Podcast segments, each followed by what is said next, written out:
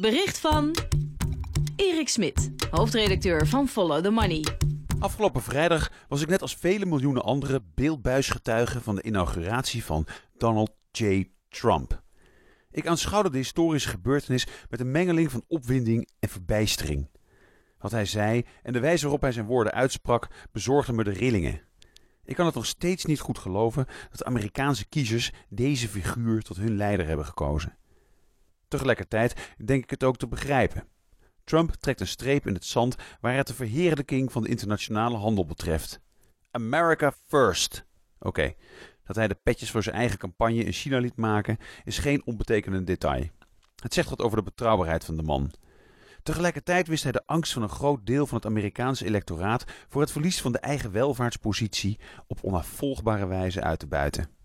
Veel van die angst bestaat ook in Europa en ook in Nederland. En die angst is niet onterecht.